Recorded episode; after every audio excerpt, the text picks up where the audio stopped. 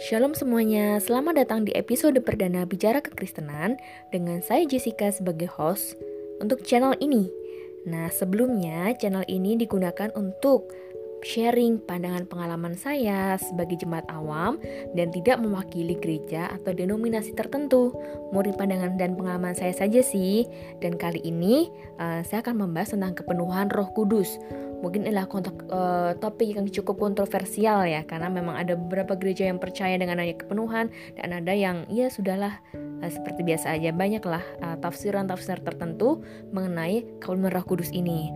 Nah, dari ini saya ini akan men-sharingkan dari pandangan dan pengalaman saya tentang kepenuhan Roh Kudus. Nah, sebelumnya uh, kita semua pasti tahu bahwa Roh Kudus itu adalah pribadi Tuhan dalam konsep Tritunggal. Uh, jadi Roh Kudus adalah pribadi Tuhan sendiri dan saya percaya bahwa Roh Kudus itu memang berkuasa atas hidup saya dan hidup kita semua. Nah, bicara tentang kepenuhan Roh Kudus, mungkin ada beberapa gereja atau beberapa uh, denominasi yang menyatakan bahwa kepenuhan Roh Kudus itu harus ditandai dengan bahasa roh dan ada juga yang ah tidak perlu dengan bahasa roh. Nah, itu tapi secara saya pribadi saya percaya bahwa kepenuhan Roh Kudus itu awalnya ditandai dengan berbicara dalam bahasa roh. Itu Kenapa saya percaya seperti itu? Karena tentang Pentakosta di kisah Rasul 2 ayat 1 sampai 13 dikatakan bahwa Eh, orang-orang uh, yang percaya pada Tuhan, mereka berkumpul di suatu tempat dan Roh Kudus turun dan mereka berbicara dengan bahasa lain, seperti yang Roh itu berikan kepada mereka. Nah, dengan adanya ayat itu, saya percaya bahwa uh, tanda awal kepenuhan Roh Kudus itu adalah berbicara dengan bahasa Roh.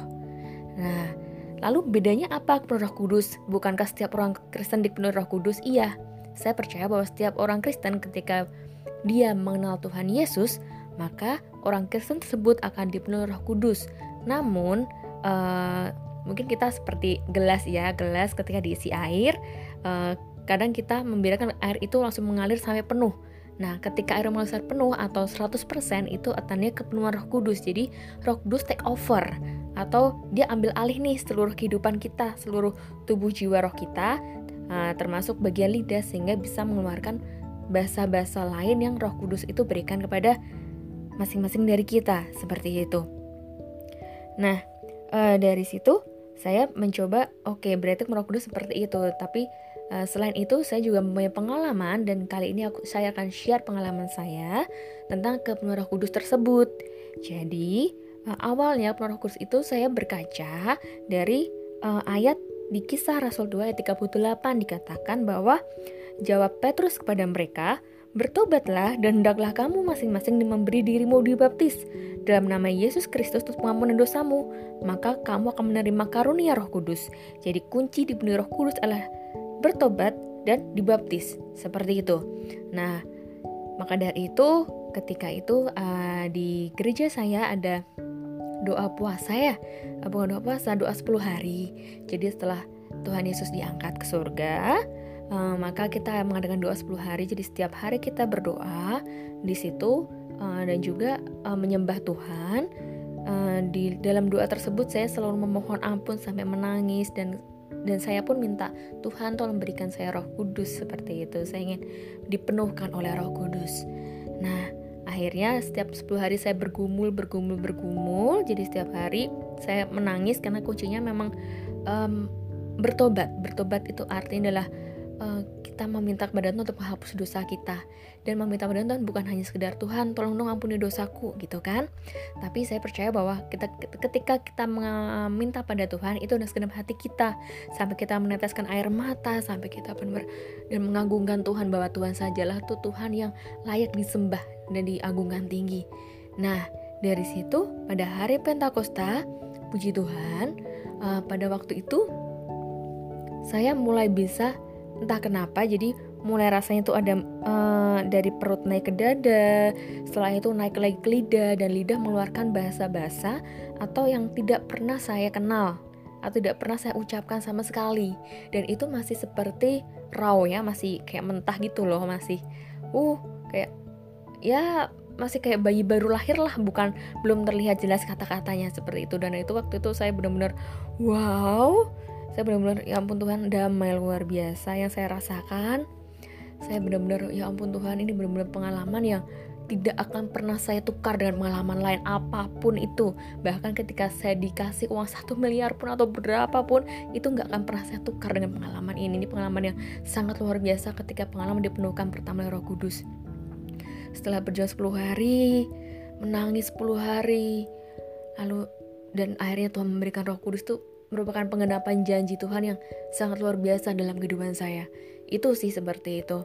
Nah, setelah itu uh, dalam bagaimana ini selanjutnya Roh Kudus tidak menjamin bahwa orang Kristen tersebut akan tidak lagi jatuh dalam dosa. Tetap, jadi maksudnya uh, kita apa namanya kita tetap ada masalah, tetap masalah tetap datang, kita menghadapi orang-orang yang lainnya, ya seperti hidup biasa tapi bedanya ini adalah ada dalam kontrol Roh Kudus. Jadi ketika saya mau berbuat dosa, uh, let's say saya mau berbohong gitu kan, langsung deg deg deg deg gitu, jantung langsung langsung ya apalah langsung deg-degan lalu tiba-tiba diingatkan firman seperti itu sih nah, namun juga tidak lepas karena memang godaan si iblis yang sangat besar sehingga terkadang juga uh, ketika saya jatuh lagi dalam dosa misalnya ya saya mungkin apalah gitu kan.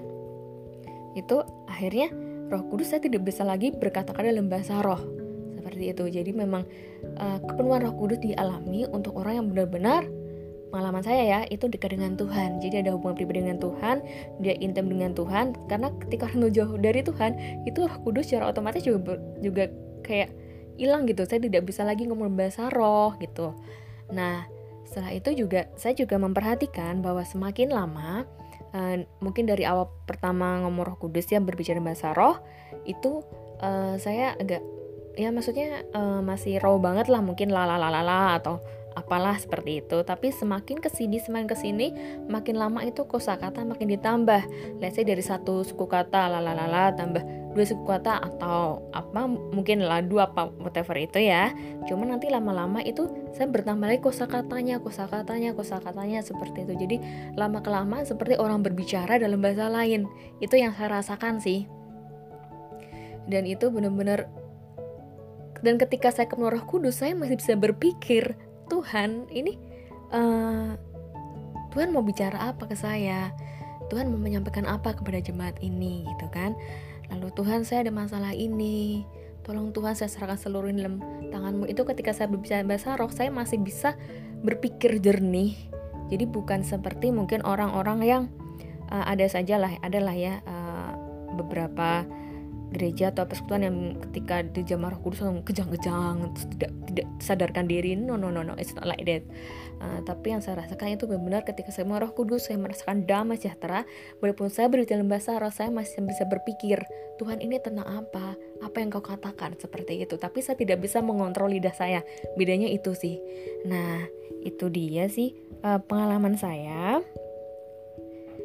Semoga sih uh, pengalaman ini dapat uh, menjadi berkat. Mungkin kalau ada uh, pertanyaan atau butuh penjelasan lebih lanjut, mungkin nanti nextnya saya akan memberikan email saya ya di episode episode berikutnya. Dan um, pada akhirnya terima kasih sudah mendengarkan dan mencoba dan semoga saja nih kesaksian saya sedikit kesaksian saya tentang Roh Kudus itu menjadi berkat untuk semua yang telah mendengarkan episode kali ini. Terima kasih semuanya, Tuhan Yesus memberkati.